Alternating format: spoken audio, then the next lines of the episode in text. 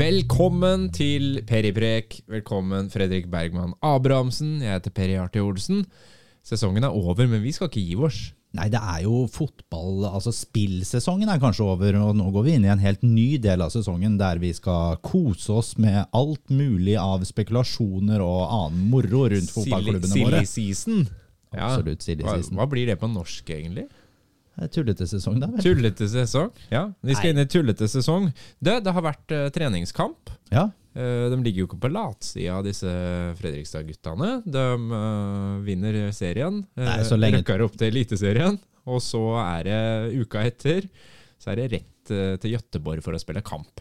Ja, Så lenge Thomassen er i FFK, så tror jeg det er ingen i den klubben som kommer til å ligge på latsida. Det, det tror jeg ikke vil bli akseptert, og det var eh, en spennende tur der eh, på fredag. Mm. Det var jo noen som stilte spørsmål om hvorfor man skulle ha en treningskamp så raskt, men, men så har jo det poenget at Tippeligaen faktisk har, eh, hadde to runder igjen på daværende tidspunkt. Da. Så det å liksom holde på den kontinuiteten Ja, og så er det jo Jeg tror jo det er et langt nok opphold i, i Fotball-Norge uten kamper, så jeg tror kanskje det var helt greit å altså kjøre, kjøre en liten gjennomkjøring og en liten match, og du får litt annen type trening enn bare de du ser hver dag. I, kanskje 11 mot 11 på trening, men det er allikevel noe annet kanskje å møte et eh, lag, og nå fikk de også målt litt krefter da mot et uh, allsvenskan-lag, altså et toppserielag. Ja, for IFK Gøteborg er jo ikke hvilket som helst eh, lag å, å møte heller. Nei da, og så er det klart, IFK spiller jo ikke med fulltallig mannskap i den matchen, altså, men de stiller allikevel med ganske mange kjente navn der. FFK vinner 4-3 til slutt. Det ble jo liksom thriller av en kamp, eh, egentlig. En litt rar, eh, litt rar eh, fotballkamp, egentlig. Det, jeg så den på mobil, og det er fader ulland ikke ofte jeg ser FFK på mobil, men sånn ble det når jeg dro på hytta, så måtte jeg ha den sånn på sida der. Jeg kjørte ikke bilen, altså. Nei, det, det var godt å høre. Yes. Sørløk var jo friskt frampå med to mål. Eh, Oskar Haga skaller inn, er akkurat der han skal være på et mål. Og så er det det aller hyggeligste og morsomste, da. Det er jo en sånn drømmesituasjon når Ludde Begvi kommer inn, og vi får selvfølgelig eh, innlegget som han er kjent for å servere. Den går over til Imre Bekk Hermansen, som bare klinker den i mål. Ja, det er kjempemorsomt for Ludde, og enda morsommere for Imre at han får eh, første målet sitt i Fredrikstad-drakt, selv om det bare er en treningskamp. Ja, Det Og er- blir matchvinner, da. Blir matchvinner, og det er jo en del vi kan ta med oss eh, fra matchen. Vi, jeg må si Førsteomgangen så holder vi et meget, meget høyt nivå. Altså, jeg synes eh, den den er rett og slett ganske imponerende. Altså. Den første omgangen er veldig, veldig bra. Og vi burde, vi burde kanskje leda med to-tre mål kanskje i den første omgangen der. Jeg må si sånn på spillersida så gjør Sondre Sørløk en nydelig fotballkamp. Han, eh, ja, hvis han holder det nivået mot uh, toppmotstand, da, da skal vi uh, ha vanskeligheter med å sette han ut av laget. For han var uh, veldig bra. Ellers så har du Patrick Metcalf, syns jeg gjorde en meget god kamp. Han har jo også assisten vel der, på det Aga-målet. Ja. Veldig godt satt inn av Aga, forresten. Og så, ja, Hva mer er det vi kan ta med oss på sånn uh, spillerfrontene? Det, er, det må jo være at uh, Håvard Jensen ser uh, ja, han ser litt usikker ut og gjør noen rare valg igjen. Altså. Det var ikke en mur som sto bak der i den kampen her. Nei, jeg syns ikke Kanskje Håvard er litt mentalt sliten etter en lang sesong. Kanskje vi skal legge det på det. For det, det, han, akkurat nå så tar han ingen skudd som han ikke skal ta, hvis du forstår hva jeg mener. Og det er klart det første målet, det, det, det skal keeper ha. Så ja, det er litt sånn. Ludde får vi også se på godt og vondt. Jeg syns han er øh, svak defensivt i noen, noen av øh, duellene han er i. Og så er han jo innmari god offensivt. Så det, det er jo egentlig et godt bilde på sånn hele sesongen har vært da for eh, Ludde Begby. Ellers så spiller vi uten eh, Mats Nilsen bak der, og da, da mer, merker vi nok det at eh, det er jo en krumtapp som er borte, og i tillegg så må jo Kvile kaste inn håndkle før kamp, og Oskar Jansson får, eh, får minutter i FFK-drakt der. Så er det jo hyggelig gjensyn da med Tage og Noah, som får sju-åtte minutter vel på slutten der. Og det er jo gøy, og det er vel kanskje også det siste vi ser i Fredrikstad-drakta, de to gutta der. Tja, er det noe mer vi skal ta med da? Nei, trenger ikke det. Eh, det vi Ja, kan, Boba Conté kan vi også kanskje si ett ja, det kan du si litt. Rann. For det er, eh, det er jo en fotballspiller som det er forbanna umulig å bli klok på. Han eh, har fantastiske hva heter det, sånn å åpne, åpne luker i spillet. Der er han jo god. Han er kjempebra der, samtidig som han gjør helt uforståelige balltap. Så Boba Conté er på godt og vondt. Potensialet er kjempestort. Men akkurat nå så er han et ordentlig usikkerhetsmoment å ha på, ha på midtbanen der, altså. Det som er helt sikkert, det er at det er to spillere her som har signert kontrakt. Den ene har vi vært så vidt innom. Det er Håvard Jensen. Ja. Som eh, vi jo snakka om at nå gjør du lurt i å signere den kontrakta. For det var jo en litt sånn nedadgående slutt på sesongen. Ja, Eh, og det tok veldig lang tid eh, før den kontrakta ble signert. Virka det i hvert fall som, da. Så- Ja, det, det, det gjorde det jo. Det, det, har vi jo. det har vi jo forstått. FFK Heier gikk jo ut tidlig og sa at han hadde fått et tilbud der, og ikke signert, og det var opp til Håvard. Jeg må jo si det er jo noen ting som er eh, snodig der. Jeg har ikke spurt verken Håvard eller klubben om det, men det er noe rart med at han har signert halvannet år. Ja, for da er vi jo midt i sesong. Da er vi jo midt, egentlig sånn midt i 2025-sesongen, da. Jeg skjønner at Håvard kanskje har gjort det da for å holde mulighetene sine åpne for å kunne forlate klubben. Samtidig så gjør det jo at hvis vi henter inn på en måte en konkurrent til Håvard nå, da, det skal vi kanskje snakke litt om etterpå, så, så vil jo han stille seg sjøl i en dårlig posisjon hvis du har to keepere som etter neste sesong stiller omtrent likt, og så er det en med et halvt år igjen av kontrakta. Mm. Da, og så er det en med to år. Det er, jeg jeg syns det virker Jeg syns ikke det virker noe lurt for Håvard heller, å ha signert for halvannet år og ikke for to. Jeg sier ikke det at det hadde vært kanskje noe lenger som skulle blitt signert, verken av klubben eller av Håvard, men halvannet år, jeg syns det er en Ja, Sno, jeg syns- snodig jeg synes, tidsperspektiv. Jeg syns ikke det er snodig, jeg syns det er dumt. Ja. Jeg kan ikke forstå det. Jeg skjønner ikke at det skal være noe heldig for noen. Stian Strei Molde har også signert ny kontrakt. Er Ja. med i to år til. Ja, det var vel en toårskontrakt på Stian nå der. Yes. Ja, eh, viktig mann for eh, treningskulturen i, i klubben. Bånn seriøs, du vet hva du får i, i Stian. Og kanskje Stian rett og slett klarer å gjøre eh, noen grep og steg i spillet sitt i løpet av vinteren nå, så han er klar og blir et førstevalg for oss på den venstrebekken. Eh, det hadde jo vært eh, gøy, for Stian er, etter hva jeg forstår, en veldig, veldig fin fyr.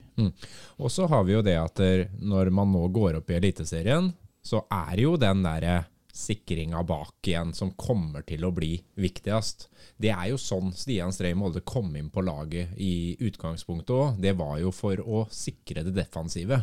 Eh, og det blir jo litt samme eh, antagelig nå. Ja, og øh, hør nå her, alle sammen. For det er, det er sånn dere at de som tror at FFK kommer til å gå ut i Eliteserien 2024 for å underholde i de første matchene, kan godt hende vi gjør det på slutten av sesongen når øh, hvis øh, plassen er godt sikra og alt dette her. Men det her er ikke et lag som kommer til å underholde. Her er et lag som kommer til å satse på raske overganger og på dødballer. Dødballer, dødballer, dødballer. Vi kommer til å bli et fysisk tøft lag som kommer til å legge alt inn på dødballer i år. Men der tror jeg også vi kommer til å bli gode. Det tror jeg òg. Ja. Tenk deg Bjartarøy feier den inn, og ja, folk hiver seg inn i feltet der. Ja, da trenger vi også kanskje en, en ny spiss, men det kommer vi nok Det tilbake kommer til. vi tilbake til. Uh, jeg tenker vi skal, Før vi går på spillerspekulasjoner og hva vi tror eh, om det framover, så må vi jo snakke om fotballklubben Start. Uh, det har jo ikke akkurat skjedd lite. Uh, og det er jo Altså, du sa det jo før sesongen, så sa du at det det er jo en del ting eh, i Start som gjør at det kan bli vanskelig for dem, både økonomisk og administrativt. Og nå ser vi altså en klubb i helt fritt fall. Ja, vi har jo en klubb som eh, Det her er jo ikke noe startpodkast, men det er, jeg tenker det er, det er en sånn viktig del av norsk fotball, så vi må, vi må nesten snakke litt om det. For uh, hvis vi tar Start før sesongen, da, så ble det lagt fram et budsjett som eh, det ble estimert at de skulle gå med to millioner i minus. Og det var da med et inkludert spillesalg eller flere på syv millioner. det er en eh, ganske heftig, heftig greie. Eh, I tillegg så sier styreleder og styret til start, med ledet av Terje Markussen, at eh, det er soleklart opprykk som skal være målet. Som jeg også tenker kanskje er naturlig for den spillerstallen nå. For jeg tippa de på annenplass i år, og det, det burde de egentlig, sånn ut fra spillematerialet vi starta sesongen med, ha klart. Det tenker jeg, det, den er grei. Samtidig så går Magni Fannberg, sportssjef, ut og sier at denne stallen er ikke noe klar for noe opprykk, så, så vi, er, vi, er, fornøyd hvis vi henger med. Det er hans uh, målsetning. Som er, er, jo kjemperart at en klubb er så splitta. Nå har vi vel hørt i dag at uh, Magni Fannberg har ikke snakka med styret siden mai. Uh, Terje Markussen, etter fadesen her uh, i helga Glemte å skru på strømmen? Ja, hadde enda vært, jeg tenker det hadde enda vært så, vært så, godt at de hadde glemt å skru det på. Nei da, han tok en avgjørelse om at de skulle spare penger, og derfor uh... Man velger å stole på værmeldinga, at det var meldt varmegrader, og velger da ikke å skru på undervarmen. Mm. Det, det er en så innmari dårlig avgjørelse at vi har vel kanskje ikke sett sidestykket til den noensinne i norsk fotball. Vi snakka om at det var kaos og uroligheter i Fredrikstad fotballklubb når vi er tilbake på 2010, 2011, 2012, rundt i de åra der. Kjære dere, det her går razzia og alt en høy gang, for her er det faktisk det er, ingen som, er ingen som snakker med hverandre. De gjør helt vanvittige avgjørelser. Og så blir jeg også provos litt provosert blir jeg jo av at Eh, på en måte Terje Markussen, altså styreleder, da eh, blir nå, nå, har vi liksom, nå sier alle at det bare er hans skyld. Ikke kom her og si at det er én mann som har tatt den avgjørelsen der. Der sitter det selvfølgelig flere som har vært enige om at man ikke skal gjøre det. Sånn er det bare. Så det her er det flere som må ta hatten sin og gå. Jeg syns det er gjort noen rare intervjuer også med Magni Fannberg etterpå, men han er vel kanskje eneste som kan jobben sin i den klubben, så han får kanskje bli han, da. Men uh, ellers så bør de kvitte seg med rubb og stubb. Vi har jo en assistenttrener i Eide som før, før denne kampen her, før alt dette rulla opp med undervarme og dette her, som går ut dagen før den viktige kvalikkampen og kritiserer klubben i alle ledd og det er så dårlig timing, og det er, det er så illojalt. Den er pill råtten, altså, den klubben. Den er ja, jeg synes det er, kjempe, det er kjempetrist for en tradisjonsrik klubb som Start. Det, det greiene der. Det er utrolig trist, for det er, jo, det er jo en av de klubbene som man tenker på når man tenker eliteserie. At ja. den, denne skulle vært i skulle vært i toppsjiktet i, i, norsk fotball. Selvfølgelig. Vi skulle hatt opp Start der istedenfor Koffa nå. Det er jo en selvfølge, det. Mm. Illojalitet, det er noe dritt. Mm. Hvis vi snakker om Koffa der, så syns jeg kanskje Johannes Mosgaard skal slutte å uttale seg så forbanna mye om Vålerenga. Konsentrere seg som ingen egen klubb. Jeg skjønner at han er bitter etter at han måtte slutte i Vålerenga, men det er for fader i meg å være måte på, på Ja. ja. Når det er sagt, da, så henger Vålerenga en tynn tråd nå. Ja, nå vant de jo nå, da, i går mot uh, Kama, så nå Men Det gjorde jo Stabæk òg. Ja, de gjorde det, men jeg er litt som uh, ja, jeg, du har trua.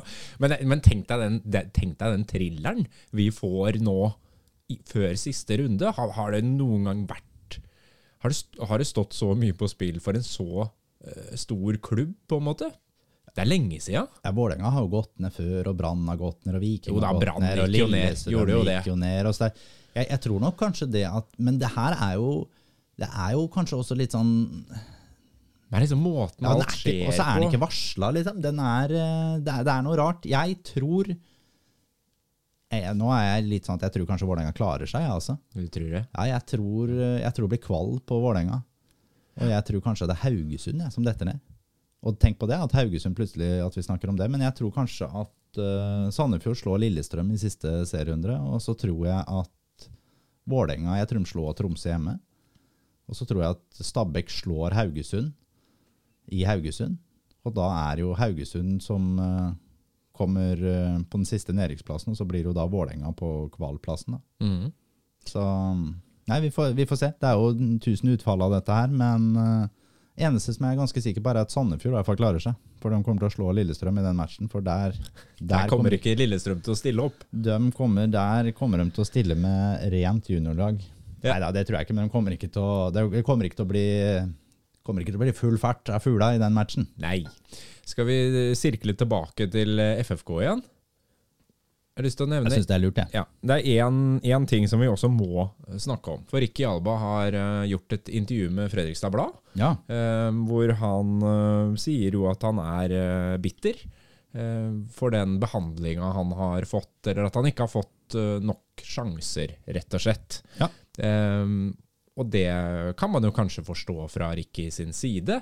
Eh, jeg må jo si at jeg ble veldig overraska over at han i det hele tatt går ut og snakker om eh, klubben på den måten. Aller mest fordi Ricky Alba er på jakt etter en ny klubb. Og ja, Jeg, jeg, syns det er merkelig å, å ha behov for å si noe om øh, klubben sin før øh, ja, Både før og etter, for så vidt, men i hvert fall før du har landa en ny avtale med en annen klubb. Ja da, du, har, du er selvfølgelig i din fulle rett til å gjøre det. eh, og jeg ser Fredrikstad Blad er eh, støtter Ricky i dette her. Ja da, de fikk jo et veldig godt intervju, så det er klart, hva ellers skal du gjøre? Ja, for det jeg, jeg tenker at det er, en uheldig, det er et uheldig intervju av Ricky. Han Veldig uheldig for kun for Ricky. ja, det er ingen andre som på en måte taper på å gjøre et sånt intervju enn han. Eh, han Han går på en måte ut mot den uh, beste og mest prestisjerike treneren du finner i kanskje i Norge akkurat nå, Ja som uh, har på en måte endevendt fotballklubben Fredrikstad Ja. i løpet av et snaut år, altså. Ja, og så er det, det er noe med det å, å gå ut og snakke om at du har fått for få sjanser. Jeg mener jo, og det virkelig mener jeg, og jeg, jeg syns Fredrikstad fotballklubb skal takke Ricky for uh, den jobben han har gjort gjennom mange sesonger i klubben. Men er det en som har fått mange sjanser i Fredrikstad fotballklubb, uh, med å ha levert sånn OK, ikke noe mer enn det, så er det Ricky Alba. Han har eh, vært en OK spiller for Fre- Fredrikstad, og det han har levert i år Jeg ser jo at eh, de skriver at han skåra syv mål. Jeg kan ikke forstå det, men jeg, har han ikke bare skåra seks? da? Jeg trodde det var seks. Ja, jeg tror det. eh, Jeg klarer ikke å finne sju mål der, men jeg, Men han har jo altså, Det nevnes jo litt statistikk der, da. På Ja. antall spilleminutter kontra mål, Ja. Eksempel. Altså hvor effektiv du er. Det er jo ofte det spisser måles i. ikke sant? Hvor mange eh, mål i minuttet skårer du, på en måte. Ja, ja, ja. Og, Ja. Det, og da, da vil jo på en måte, hvis vi skal ta det i sånn historisk perspektiv for folk, så ville jo da Ole Gunnar Solskjær vært verdens beste spiller gjennom alle tider. På grunn av at han kom inn på slutten av kampene for eh, United og skåra Fire mål. Ikke sant? Ja, men det, det er jo sånn det var. Så han ville jo da hatt et ekstremt høyt eh, snitt der. Eh, og så tror jeg at en fotballspiller i dag er veldig mye mer enn bare mål. Du må se hvordan han løper, hvordan man skaper sjanser for eh, de andre spillerne, og hvor mange målgivende han har. Se hvor mye mål, mer mål Fredrikstad skåra når Oskar Aga kom inn. Og det er ikke bare pga. at vi ble mer offensive i stilen, det er pga. at Bjartali fikk mye mer rom, fordi Oskar Aga løper mye mer riktig enn Ricky Alba.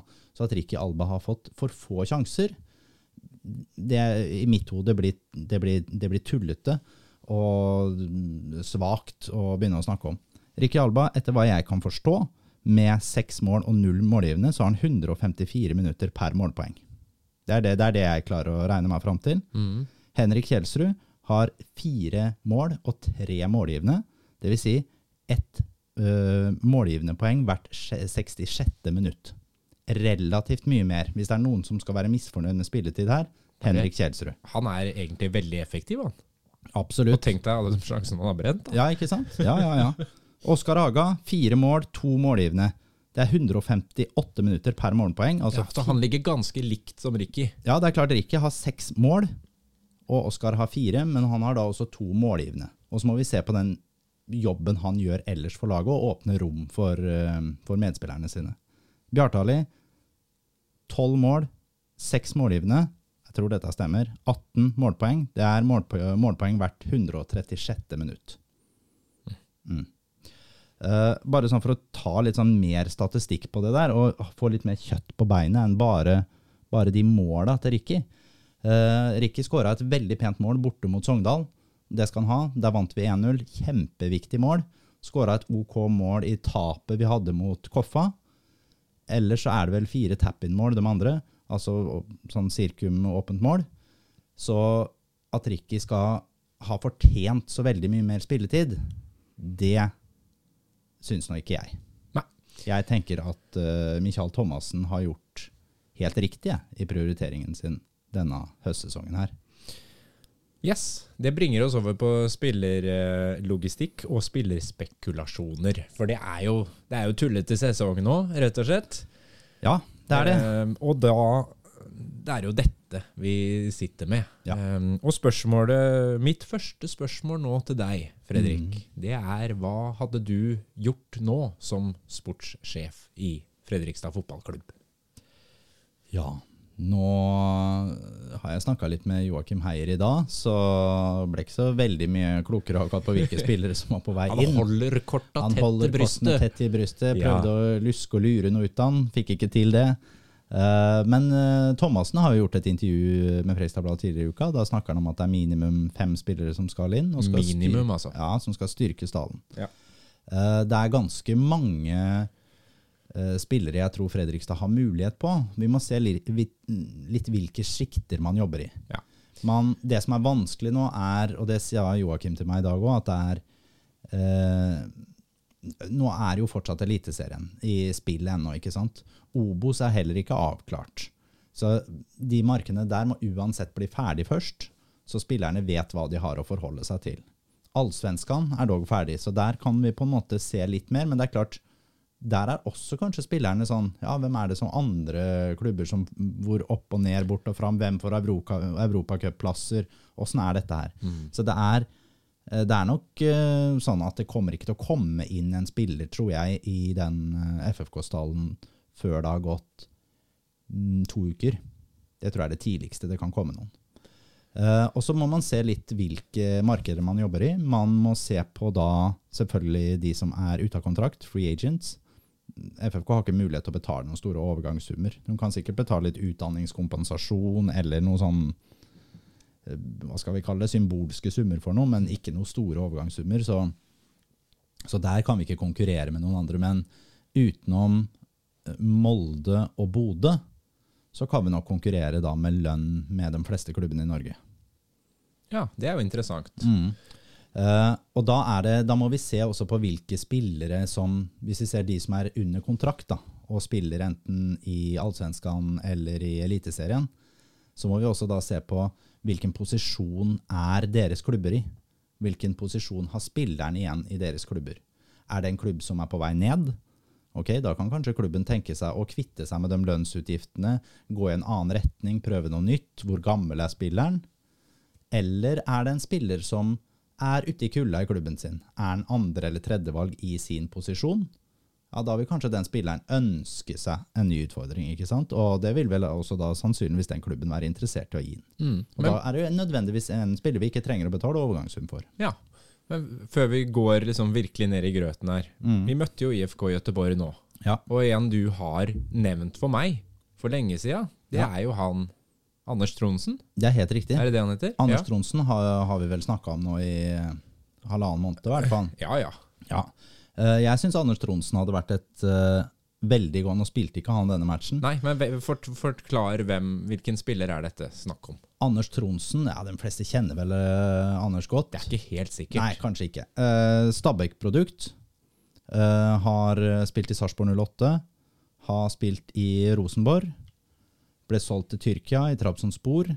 Uh, mye skada der, slet der nede, og gikk til IFK Göteborg før den sesongen. Har vel fire landskamper eller noe sånt for Norge. Jeg tror det er fire han har. Jeg. Kan spille venstreback, kan spille indreløper. Uh, Det høres bra ut. Yes, har en eh, god fot. Er 28 år, hvis ikke jeg tar helt, uh, helt feil. Han har jo en lengre kontrakt i IFK Göteborg, men er ikke fast på laget der. Jeg tror at Anders Tronsen hadde vært mulig å flytte på. Han er nettopp i det siktet der. Han tror jeg vi kunne flytta på. Han har sikkert en høy lønn i FK, men jeg tror han kunne vært både interessant for FFK, det har vært interessant for IFK å kvitte seg med, og jeg tror det er interessant for Anders Trondsen. En annen spiller som er i det samme siktet, som har kontrakt, har masse kamper på toppnivå i Norge, det er en som spiller fast på Vålerenga og heter Petter Strand. Ja. Petter Strand tror jeg også har vært glimrende for Frøystad. Hvis Vålerenga går ned, så tror jeg de kunne vært interessert i å gå en ny vei. Da ville jeg som sportssjef i Fredrikstad prøvd meg litt på Petter Strand. Jeg skjønner at det er en longshot, men det er der vi må gå. Begge de to spillerne er longshots, men vi må prøve på den type, type spillere. Og det er, det er litt sånn at um, Ja, hva skal vi si? Jeg, jeg, jeg, tror, jeg tror at vi må ha inn i hvert fall én midtbanespiller, eller én indreløper, som har god erfaring gjennom flere sesonger på toppnivå i Norge. Ja. De som er i det sjiktet der, de jeg klarer å finne eh, sånn kjapt, er de to der. De to spillerne som i tillegg skal passe inn i et Thomassen-system, for det òg er jo viktig å ta med seg. Du kan ikke ta hvem som helst. Du trenger en løper, f.eks. i Petter Strand. Mm. Du trenger en feinschmecker i Anders Tronsen. Ja. Og så lurer jeg på det da. Nå er Start i den situasjonen de er i. Ja, Skal du snakke mer om Start nå? Ja, nå skal jeg tilbake til start igjen. ja. Jeg bare greit. si, sier at det går virkelig til helvete, da. At uh, klubben blir konkurs, eller at eh, det skjer Altså, eller at eh, spillerne rett og slett eh, vil vekk derfra. Eh, hvem henter vi, eller hvem kan vi hente fra start, eller er det noen aktuelle? Ja, det er jo sånn, Start er jo en situasjon som Jeg tror ikke de går jeg, mm, jeg tror ikke de går konkurs, men jeg tror de blir tvunget til å selge spillere, kan vi Ja. si det sånn? Og ja, ja. de er i en forbanna elendig situasjon, for dette her veit hele Fotball-Norge nå. At de, må, de må selge. Så her Og det vil jo folk utnytte. Helt naturlig at man gjør det. Det blir, eh, det blir som om man får nyss i noen aksjer som du vet kommer til å stige, og du kan få kjøpt billig. Sånn, sånn er det Men bare. Sindre Finne seg på starthandel nå? Kanskje han har vært der. Det er vel det som har skjedd, kanskje. Han Ikke så har, veldig god til å han handle. var ikke, ja, nei, han har, gjort, har ikke gjort mye bra, vet du. Nei, nei også med så mye insights. Det er rart. Det er, det er, nei, det er ikke bra, det der. Ja, ja. Nei, men eh, start. Ja, start. Ja, de har selvfølgelig noen spillere som kunne vært uh, aktuelle for Fredrikstad. Du har, uh, vi har snakket om uh, Sakur før i podden. Mm. Han er ute av kontrakt. Han har dødballstyrke i høyeste grad, så sånn sett har han passa veldig godt inn i Thomassen-systemet. Spørsmålet er hvor mye trening klarer Sakur. Men det har nok også vært en spiller som ikke nødvendigvis er så dyr, og han holder norsk pass. Så ikke så dumt. Eh, og så har jo Sjøkvist, Sander Sjøkvist, høyre vingbekk. Hadde han vært venstre vingbekk, så hadde jeg ikke tvilt på at vi skulle hente han inn. Høyre vingbekk, der er vi jo godt forspent, så da måtte vi eventuelt kjørt uh, Simen over på venstre. Da hadde det kanskje åpna rom for han. Da dytter vi Patrick langt bak i køen. Mm. Så mm, jeg er usikker, men et, samtidig et godt valg. Kommer ikke til å være noe prioritering, tror jeg. Nei, jeg men, det, eh, ja. tenker ikke det heller. Uh, og så er det jo en personlig favoritt som jeg har lyst til å trekke fram igjen. Som har vært skada hele sesongen, men er i hvert fall sånn jeg tenker det, Obos-ligaens beste spiller på papiret, Eirik Skjulse. Han blir vel 31, tror jeg, i mm, Nå tipper jeg, men jeg tror det er i januar han blir det. Og det er klart at Eirik Skjulse i form passer også vanvittig godt inn i Thomassen-systemet. Ja, og så trenger du jo kanskje en eller to, som du sier, da, virkelig erfarne, kanskje litt eldre spillere. Ja da. Eh, Ja, hadde, jeg er ikke sikker på om det hadde vært det dummeste. Og igjen, det er jo de norske spillerne. Det, da slipper vi å bruke utenlandskvote òg. Ikke sikkert det hadde vært så dumt. Også den siste spilleren som jeg tenker Så har du selvfølgelig sånn som Luke Mares, som kanskje er den beste spilleren til start, men midtstoppere trenger vi ikke, så det, og vil heller ikke bruke utenlandskvote på det. Så det kan vi stryke med en gang. Eller så er det jo Jasper Silva Torkelsen, da. Det er, eh, jeg mener at det er Norges største keepertalent. Det er den framtidige norske landslagskeeperen til Norge. Hadde man klart å legge to millioner på bordet for Jasper Silva Torkelsen, og klart å fått tilslaget på den spilleren Vi vet at Start har solgt spillere helt idiotisk før. Vi solgte vel Asante til Stabæk, var det ikke det? For eh, 500 000 eller noe sånt en eller annen gang. Som, og da hadde vært god i Start. Ja, men det var, de, har, de gjør alltid noen sånne forbanna dårlige handler. Uh, og da Jasper Silva Torkelsen selvfølgelig gått, gått inn som ren konkurrent, 50-50 med Håvard Jensen. Da begynner du å få et luksusproblem. Ja, men det, det er et godt luksusproblem. For da har vi en erfaren uh, lokal keeper i Håvard, og den mest kanskje oppadkommende keeperen i hele Norge. Det har vært et sinnssykt bra valg, syns jeg, av Fredrikstad fotballklubb hvis man hadde gjort det. Men han kommer selvfølgelig til å koste penger i overgangssum. Men det tror jeg er de spillerne som eventuelt kunne vært aktuelle fra start. Yes. Eh, han sa fem spillere, kanskje flere. Ja. Nå skal du få lov til å spille football manager, Yes. og innenfor eh, rimelighetens eh, grenser, holdt jeg på å si, Ja. så skal du hente seks spillere som gjør Fredrikstad fotballklubb klar for Eliteserien. Her må du se på hva du trenger. Du, vi trenger vel noen i alle ledd? Ja, da må jeg gå inn i, gå inn i den der lista mi, da, som jeg, så jeg ikke Ja, for du, midtbaneleddet, der trenger vi jo noen. Ja, det har du jo nevnt. Du Ja. har jo nevnt flere der. Ja men, da. men hvis du nå skal få Hvis du skal velge de seks spillerne da, som blir komboen eh, Og da, skal jeg, da må jeg, jeg må også tenke på utenlandskvote og sånn, da, sammensetningen med dem. Ja, du må jo det. Ja. Vi har jo Bjartaloi, Bjartaloy, vi har eh, Henriksson, vi har Magnusson, ikke sant? ja, ja. ja. Eh, så, Ja, for- så her blir det jo hvordan, hvordan setter du opp det regnestykket der? Ja, for da, da må du jo si Da må jeg jo først si at jeg ville gått i eh, Jeg måtte forhørt meg litt. Jeg ville solgt, eh, solgt ut, eller hva jeg skal kalle det, med Tim Bjørkstrøm. Jeg tror ikke han kan få plass i stallen, så der må man finne på noe lurt. Han kommer ikke til å være i Fredrikstadstallen til neste år. Enten så må vi forhandle en sluttavtale med han, eller så må vi klare å få han solgt til en annen klubb. eh, Eller eventuelt ansette ham i et trenerforhold i klubben. Jeg tror heller ikke Boba Conté kommer til å få plass i FFK-stallen til neste år. Eh, det er litt vondt, det. Eh, men jeg tror kanskje med Boba at jeg hadde signert ny kontrakt med, for han har vel bare ett år til, tror jeg. Altså ut 2024-sesongen. Jeg tror jeg ikke ville signert en ny kontrakt ut 2025, og så ville jeg lånt ut Boba til neste år, til en Obos-klubb. Og da kom det inn på det jeg snakka om i stad. Jeg ville lånt ut han, for nå tror jeg Lyn går opp. Det kan vi komme tilbake til etterpå. Jeg ville lånt den ut til Lyn, for han hadde passa sinnssykt godt inn i Jan Halvor Halvorsens system Ja. i Lyn. Eh, så ja, den, jeg ville ny kontrakt med Boba, Lånte den ut til Lyn. Det er mange ting å ta hensyn til her. Ikke sant? Det er masse som må, må tas opp. Også, og da vil jo også samme si at Noah er ferdig, og Lima er ferdig. Eh, men det har vi snakka nok om, bør vi ikke snakke om i dag. Ok, Så da har jeg frigjort noen plasser på utenlandskvota.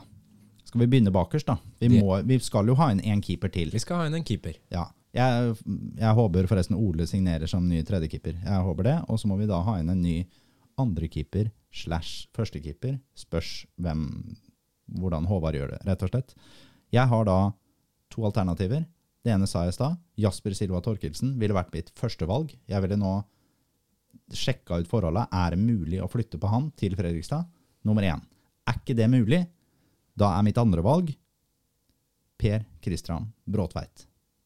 Han har du også snakka om før. Han har jeg også snakka om før, Dette er denne nødlandslagkeeperen. som var fantastisk der mot Østerrike. Ja, ja. Uh, han er jo fast på Odd. Kontrakta går ut. Jeg tror det er mulig å flytte på Per Kristian Bråtveit. Han er den eneste keeperen med norsk pass som jeg kan se er noe uh, Holder noe høyere nivå, eller likt nivå, som uh, Håvard Jensen. ja. Mm. Så da har vi da er det to keepermuligheter. To keepermuligheter. Skal vi gå på venstrebekken? Det må vi. For der skal vi vel ha inn noe. Uh, der tenker jeg at ja, skal vi, vi har to muligheter der òg, da. Også et første- og andrevalg. Fint, det. Jeg tenker at mitt førstevalg er Nicolas Valstad. Ok, Mm. Uh, forklar. Nicolas Valstad er nå fast på Stabekk, utlånt fra Haugesund. Jeg tror at han er en spiller som kommer til å utvikle seg masse i åra som kommer. Han er 25 år, altså, så han er ikke helt ung. Han har kontrakt ut 25 med Haugesund, men han er jo, da som vi skjønner, ikke fast der. Og er jo utlånt til Stabæk. Jeg tror det er en spiller det er mulig å flytte på. Han tror jeg hadde passa glimrende inn i et uh, Thomassen-system. Uh, hvis ikke det skulle være mulig, så er vi jo og da snakker jeg det kan godt hende det blir Stian Stree Molde altså som blir den venstrebekken. Men en annen spiller som også har vært het på ryktebørsene rundt Fredrikstad, er jo selvfølgelig eh, Sivert Eriksson Vesterlund. Raufoss sin høyre hva skal vi kalle det, wingback. Mhm. Også en mulighet der. Han heller er ikke kjempeung, han er 24 år. Blir fem- Høyre wingback som kan spille Nei, nei, unnskyld. Venstre wingback. Unnskyld, jeg sier feil. Venstre wingback. Eh, som også har mye å gå på. Han er også ganske god i duellspillet. Eh, han er, jeg lurer på han er 1,86-1,87 eller noe sånt. Så han har ganske også mye å komme med på, på dødball. Både defensiv og offensiv. Så én av de to hadde vært gode alternativer for, eh, for Fredrikstad fotballklubb. Ok? Ja. Nå er vi da, skal vi bevege oss litt lenger framover i banen, for vi er enige om at høyrebekken, der er det Simen og Patrick som er bra nok. Godt. Det, Da- er, det er vi. Men eh, på jeg, jeg tenker jo også Altså, indreløper, det må vi ha, tenker jeg. Ja. Men backupen til Julius Magnusson nå har vi jo sett. Ja.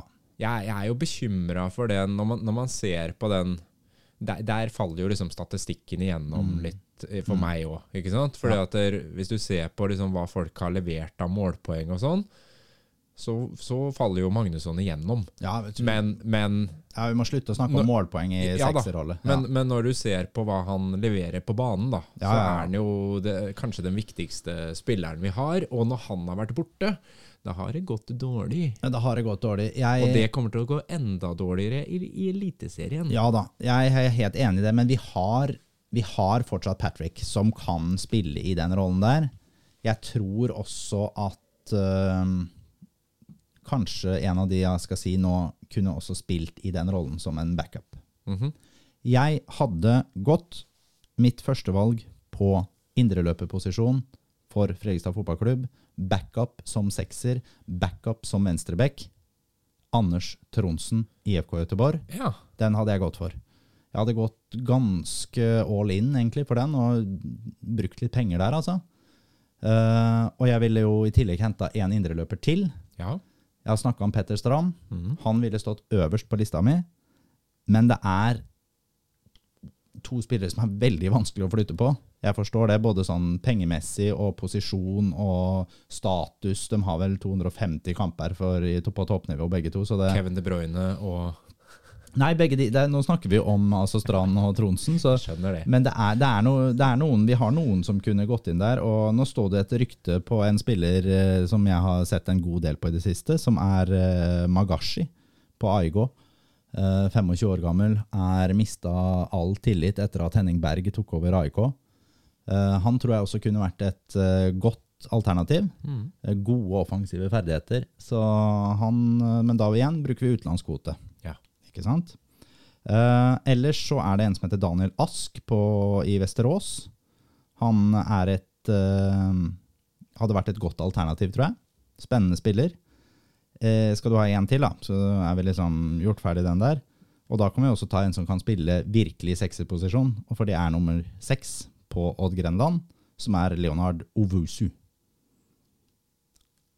Vanskelig å få tak i han òg, jeg Ja. forstår det, men det er der vi må legge nivået vårt. Ja. Og da må vi selvfølgelig bruke utenlandskvote. Men alle disse her er gode alternativer. Jeg ville da gått for Nå skal vi ta det bakfra. Jasper Silva Torkelsen, nummer én. En.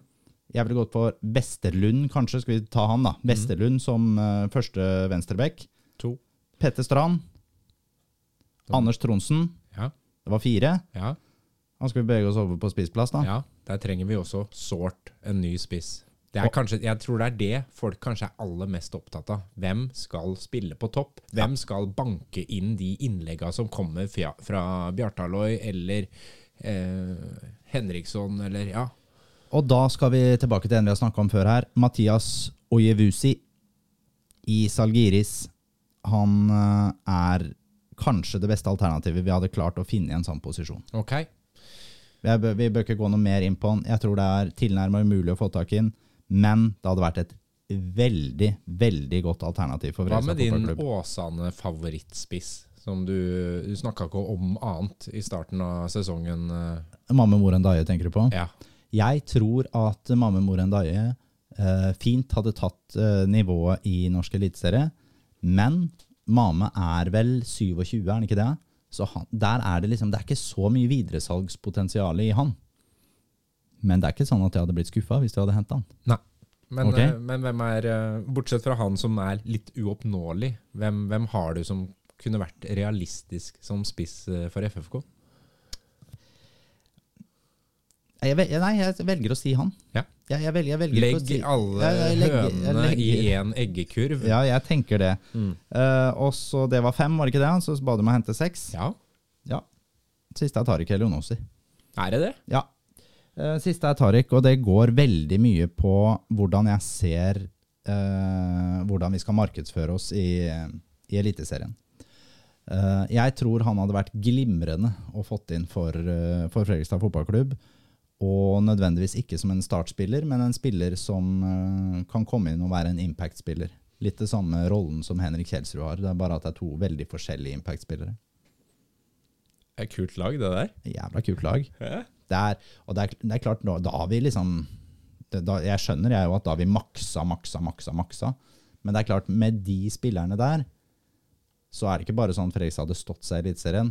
De har gjort det jævla godt i Eliteserien med det laget der. For det er spillere, jeg er ganske sikker på alle de vi har nevnt opp nå, de hadde passa kjempegodt inn i Thomassen-systemet, og det er det vi må se på, ikke sant? sånn trygge, hardtarbeidende, erfarne spillere som også har litt profil. Ikke sant? Og vi kan ikke nå hente Vi vi kan ikke hente 'Å, det er fantastisk, nå skal vi hente en eller annen kjapp liten ving'. Nei, han passer jo ikke inn. Det er samme, du er gratis da, du passer ikke inn i systemet. Da kommer du ikke til å spille uansett. Da kunne vi hatt beholdt noe. Før vi tar litt vin, så må jeg bare spørre deg. Vi liker ikke å preke om det, men Sarpsborg 08, ekstremt mange utgående, på utgående kontrakt. Ja, vi har jo snakka om en spiller der også som kunne vært aktuell for Fredrikstad, i um, Mikkel Maigård. Ja, Ikke sant? Det, er er det ja, nei, det, det ville vel, Han ville jo til utlandet, så det ville jo vært rart ha han kanskje å gå til erkerivalen. Jeg syns jo det ville vært eh, snodig, men jeg hadde sagt ja takk til han, jeg. Absolutt. Han eh, ja, han hadde passa godt inn i Thomassen-systemet. Men det er jo mange klubber her som har en jobb å gjøre, da. Er det, er det noen av disse spillerne som vi frykter at blir snappa opp av Sarpsborg? At, at folk tenker at Sarpsborg har en mer etablert posisjon? Ja, det, jeg, jeg tror jo at uh, det er en del som vil tenke det, nettopp pga. at de har vært et stabilt eliteserielag i veldig mange år. Så det, det tror jeg at de er en hard konkurranse. alltid på åttende- eller tolvteplass. Ja, og de er en, men de er en klubb som er ganske grå fotballmessig i Norge. Jeg tror med, med lik lønn så vil de fleste velge Fredrikstad fotballklubb. Så du den der kåringa av supportere Ja, jeg så det. i Tippeligaen? Ja. Det var deilig. Sarpsborg 08. Klart klart Klart sisteplass. sist. 16. Klart sist. Ja, det var det var sånn 15.-plass, og så var det sånn langt Ja. ned. 16.-plass, 16. Sarpsborg 08. Ja. Smurfehelvete. Ja, det var deilig. å si at, at det ikke var Fredrikstad-supportere som har kåra det, Ja, det ja. syns jeg også var gøy. Ja, ja. Det var sånn supporterallianse fra masse forskjellige klubber. som det er helt objektivt. Ja, det var morsomt. Det er objektivt ræva å komme dit. Ja, og jeg skal bare si litt mer om akkurat de der spillerne, for Sarpsborg kan nemlig slite voldsomt. og Jeg syns det er rart nesten at ikke norsk media har fokusert mer på det. Altså, Gidder ikke, det er Sarpsborg 08. Det er derfor. ja, for det er så, Nå er kapteinen Utvik, han er ute av kontrakt. Er, han forsvinner, ellers ville han signert noe nytt. Og så har du Eirik Schulze, kanskje viktigste spilleren deres, han, han bekken, høyre bekken der. Ute av kontrakt, vil ikke signere ny kontrakt. Mikkel Maigård, visekaptein, ute av kontrakt, vil ikke signere ny kontrakt. Eh, Pascal Lundqvist, altså tieren deres, mest kreative spilleren ved siden av Viktor Torp, vil ikke signere ny kontrakt. Kommer til å være klar for AIK nå i løpet av kort tid. De kommer ikke til å klare å signere ny kontrakt med Jo Inge Berge. Han kommer til å forsvinne et annet sted. Keeper Kjetil Haug ute av kontrakt. Det er ikke aktuelt å signere ny kontrakt. Hva er det de sitter igjen med? Nei, det er et par gamle Fredrikstad-spillere her, da. Ja, men, ja, men de kommer jo Den jobben de må gjøre på overgangsmarkedet det, Jeg vet jo at uh, Svein René Nygaard sa før sesongen at uh, hvor mange av de spillerne som Fredrikstad har, som ville eventuelt vært gode nok for en uh, Sarpsborg 08-stall, da nevnte han jo bare at det var Bjartali. Hvis alle de der går ut i Sarpsborg 08, så tror jeg de skulle vært forbanna glad om de fikk tak i en Tage Johansen eller en Oskar Kjøge Jansson eller noe som helst. Nei, er, jeg tuller selvfølgelig, men den posisjonen de er i nå, den er mer bekymringsverdig enn den FFK er. Det skal vi ta en eh, skål på. Eh, du har med en uh, Borgun Pinot Noir i dag. Jeg har Vært, i- vært i Sverige og handla. Vært i Sverige. Det her Ja. er en eh, sånn billigvin. Laboroy.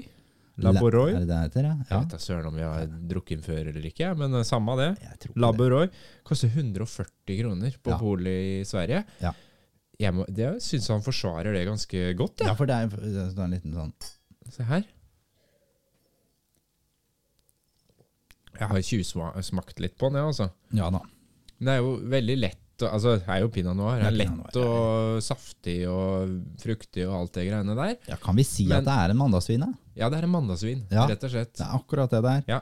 Det Men, er- men det er ikke noe dårlig Det er ikke sånn øhm, Noen ganger så syns jeg du får litt sånn besk ettersmak, eller sånn tørr smak i munn, Ja. hvis du drikker litt sånn billigvin, Ja. kall det, da. Jeg er litt enig med deg. Men, men det syns jeg ikke du gjør her. Nei, Jeg syns den her den står seg, den står seg godt uh, til, uh, til sitt bruk. Du bør ikke ta med den her på, på julebord.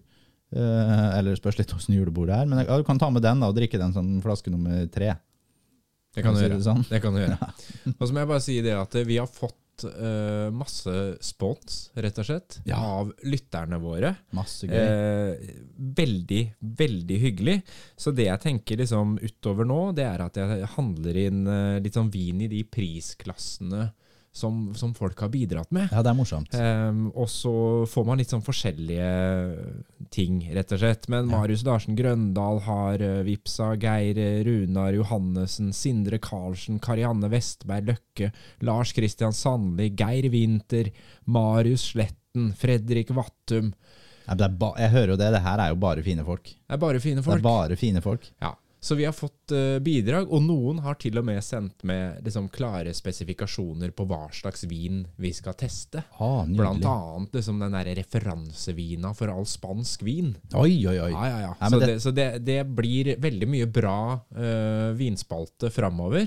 Ja. Vi skal skru til det lite grann. Ja, det her gleder jeg meg, det gleder Ja. jeg meg veldig til. Og så er det jo sånn, det kommer flere podder før jul. Du må ikke bli bekymra for det. Vi kommer til å henge på når det skjer ting i FFK, og så skal vi jo selvfølgelig også ha kavalkade etter hvert. Ja, det, ikke sant? Det blir med, gøy. med oppsummering av sesongen. Ja, ikke sant? Ja. ja. Nei, men det blir, det blir helt kanon. Det er litt, hvis jeg skal si noe jeg er litt skuffa over akkurat nå, så Ja. jeg kom på det akkurat nå.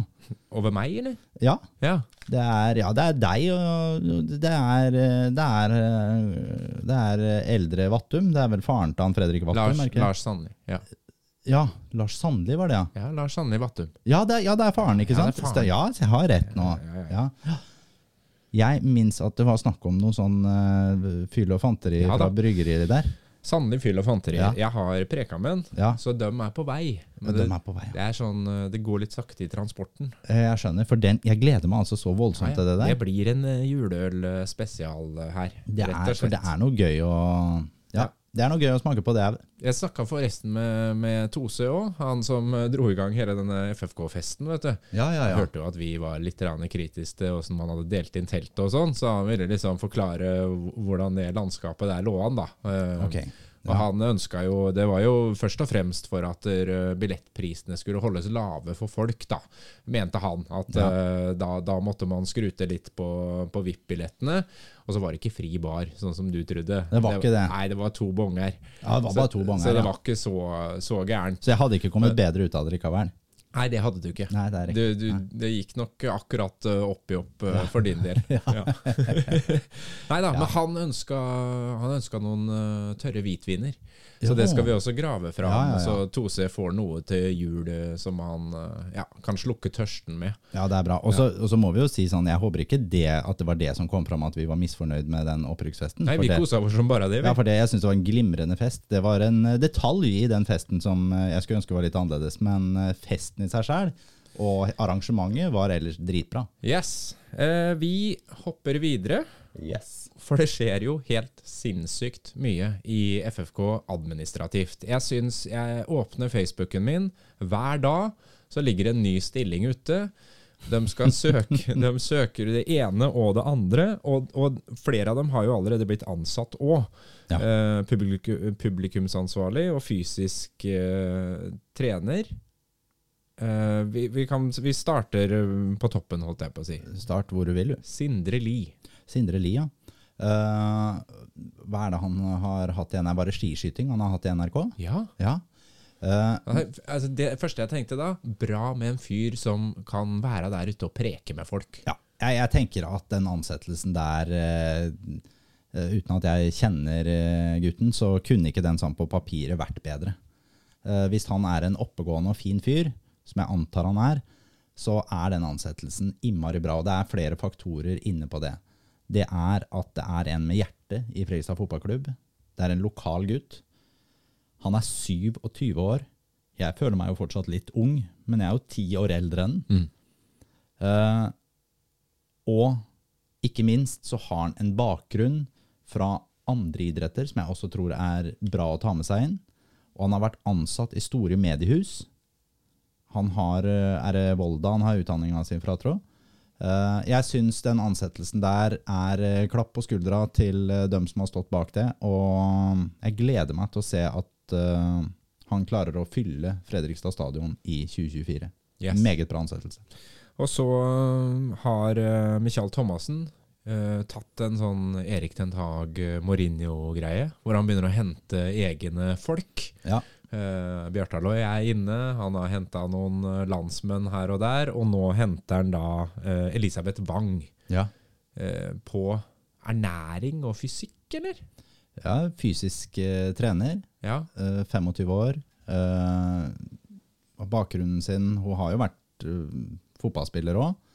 Har vært Eh, landslagsspiller. Jeg har vært landslagsspiller. Jeg vet ikke Ja. hvor mange landskaper hun har. Jeg har ikke Ja, sjekka det. Eh, er jo vel mest eh, kjent for å være fitnessutøver, ettersom jeg forstår. Jeg har vært og kikka litt, og titta litt også på nettsidene hennes og prøvd å lese meg opp. Det, står, det meste står på færøysk, og det er jo ikke så innmari sterk i det. Så Det er ikke første språk, det Er er tredjespråket ditt. det er tredjespråket mitt. Ja. Det, det, det er ikke så god på det.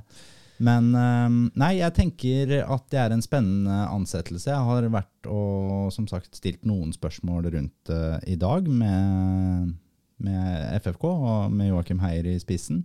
Uh, Ja, for dette med fitness og ernæring er jo ganske ekstremt.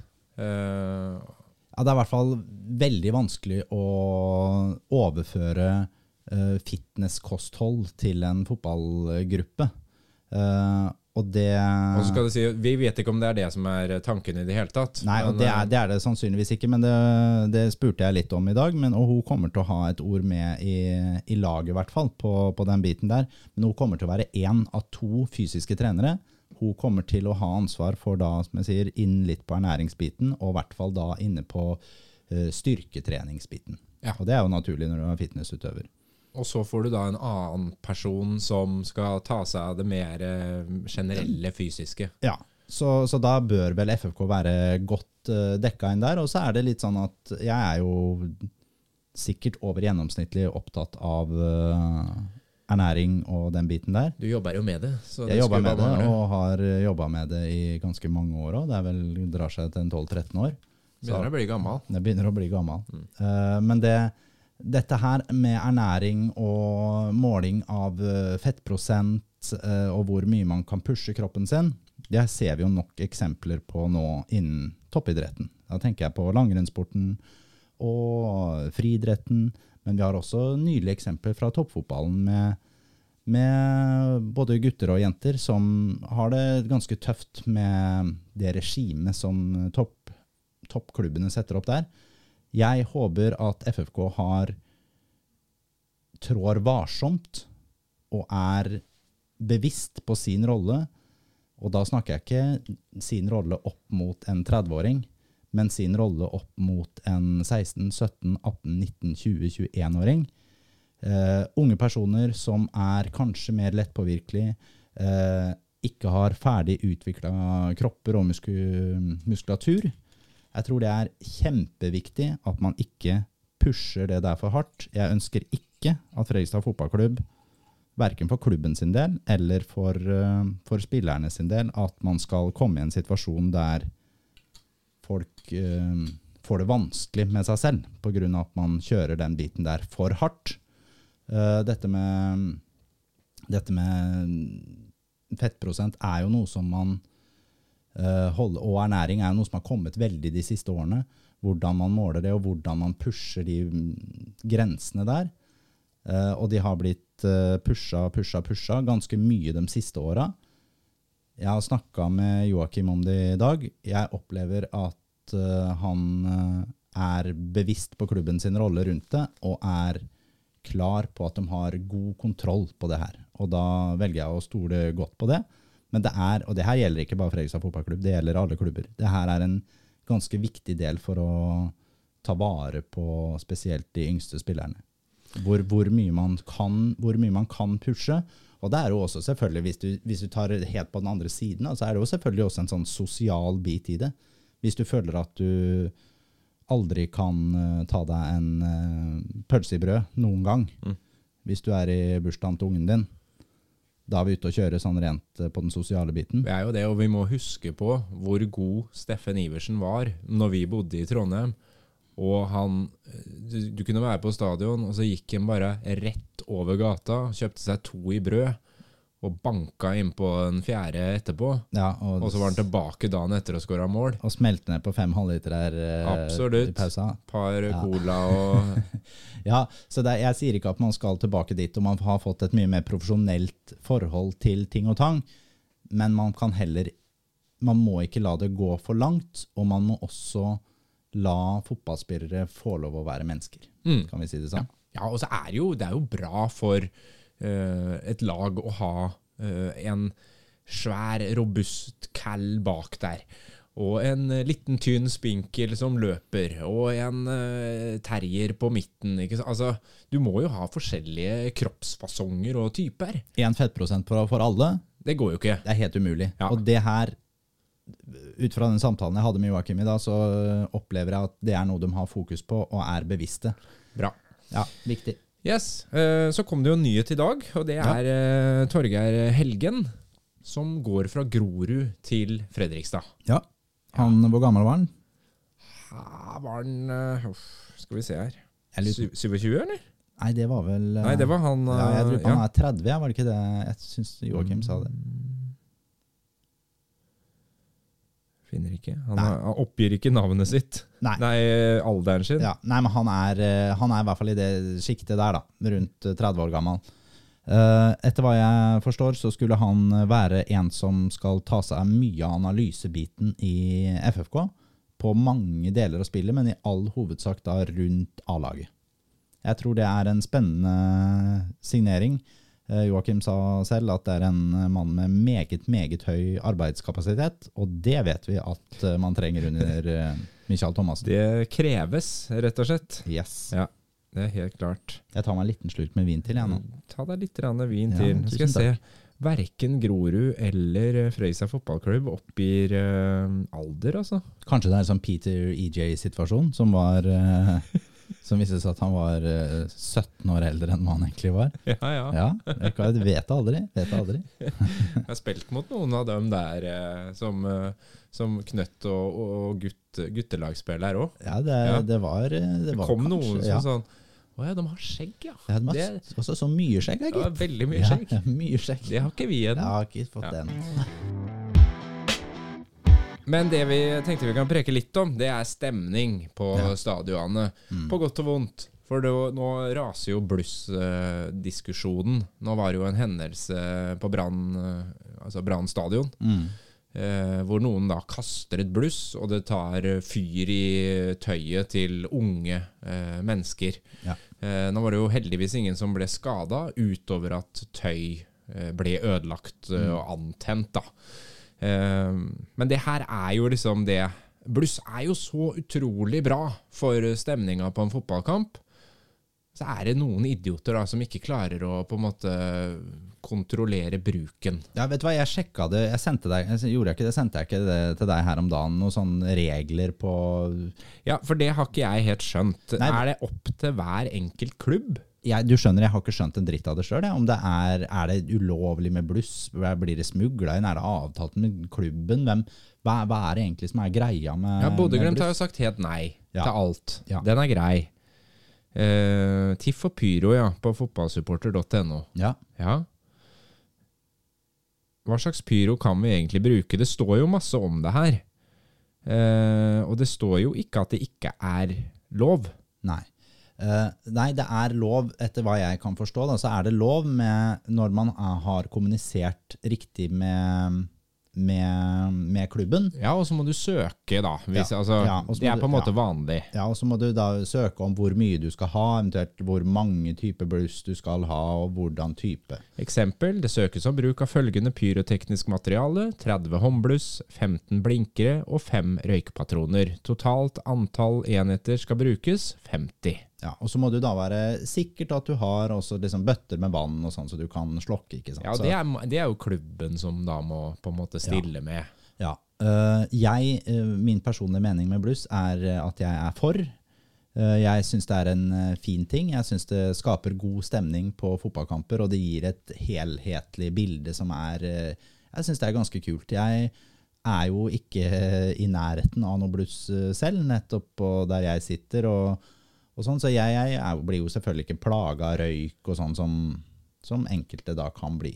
Men uh, uansett, jeg tenker at det får man kanskje bare tåle, å bli, få litt røyk, da. Eh, Jeg skjønner at man er i et minefelt her og uttaler seg om dette her.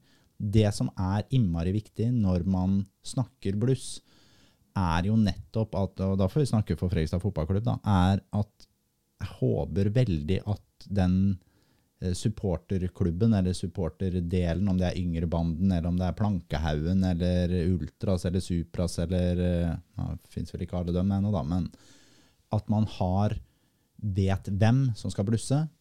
Det må være supportere som er ansvarlige til å kunne stå med det, som ikke er Bør helst ikke være for unge, og de bør helst være edru når de gjør det.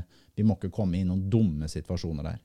Og det tror jeg er så innmari viktig. For, ja, for det er jo den den ikke- balansen der med om du ødelegger for klubben din, Ja. eller om du bidrar til å skape eh, både TV-bilder og opplevelser for de som er på stadion, som gjør at der, eh, når, du, når du så oppgjøret mellom Vålerenga og Lillestrøm, da, Ja. uten bluss, hadde jo ikke vært den samme sånn Nei, spektakulære Wow! Ikke sant? Jeg er helt enig med deg. Jeg er helt enig med deg. Men da, ikke gi bluss til en som er drita. Ikke gi bluss, til en tolvåring. Vet, vit hvem som har den, og at det mennesket som står med bluss, kan ta ansvar for den sjæl. Det må være greia. Uh, og da håper jeg at uh, vi får se masse blussing på norske fotballstadioner i det er ikke gi bluss til folk som har vært på TV. Det Nei, bare, ja, nei, stakkar. Ja. Ja, nei, den var nå litt uh, uheldig, den, da. Ja. Ja, ja. Og så må vi ta med én uh, ting til på tampen, uh, Fredrik. Det er en gratulasjon til FFK kvinner, som har uh, sikra plassen i tredjedivisjon. Det syns jeg er ille bra. Bra, og det er viktig å få med, få med kvinnene. Kanskje vi etter hvert klarer å få et kvinnelag som eh, sniker seg opp mot det øverste nivået i norsk fotball. Det hadde vært gøy. I hvert fall vært morsomt om den ble bedre enn Sarpsborg 08. Det får vi eh, det kan vi, vi kan ikke være bekjent med noe annet. Nei, det er helt så, riktig, Så det er eh, veldig bra. Apropos, så var jo litt av en cupfinale, da. Hvor uh, Vålerenga, kvinner, spiller mot Rosenborg.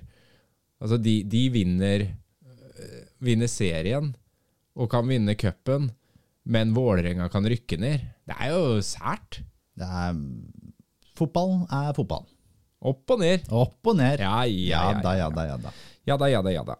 Uh, du snakka litt om uh, Lyn og Hødd og sånn i stad. Bare status på opp og ned. Ja, jeg vet hva, jeg satt jo og så på Lyn Hødd, uh, altså kvalikkampen til Obos-ligaen, rett før vi gikk i, i innspilling her. Eh, og det er eh, Der var det en match som Lyn eh, vant 3-0. Jan Halvor Halvorsens Lyn. Én ting var at Lyn var så forbanna gode som kunne vunnet mye mer òg. Men det vil vel da si at Lyn eh, så å si nesten er sikra opprykk til Obos-ligaen. Og det er kjempegøy, både for å få tilbake Jan Halvor opp i på en måte norsk eh, toppfotball, og ikke minst å få Lyn tilbake. Det er kjempe, kjempestas. Syns det er veldig gøy. Vi snakka om det før sesongen.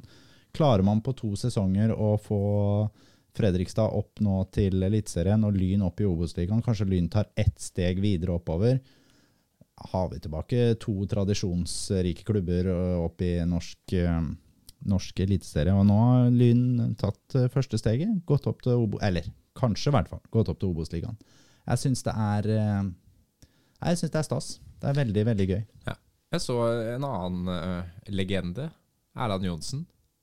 Ja, Fått jobb i Moss. han har fått jobb i Moss. Eh, Det er jo det sprer seg utover. Ja, det er, jo, det er jo spennende det der, og vi får, vi får se om Moss klarer å ta nye steg eh, til neste år og bygge ut markedsavdelingen din sin med, med han Erland, og da kanskje klare å få inn noen ekstra kroner som gjør at klubben kan ja, stå seg litt grann bedre, i hvert fall. Og det er kanskje Moss kan være en klubb for uh, Tage Johansen. Ja. Det var bare kasta ut noe, men det, det hadde kanskje ikke vært det dummeste. Uh, lyn opp i Eliteserien. Da snakka vi om Boba Conté. Kanskje, kanskje det hadde vært gøy å låne ut han dit. Det er jo en uh, mulighet, selvfølgelig.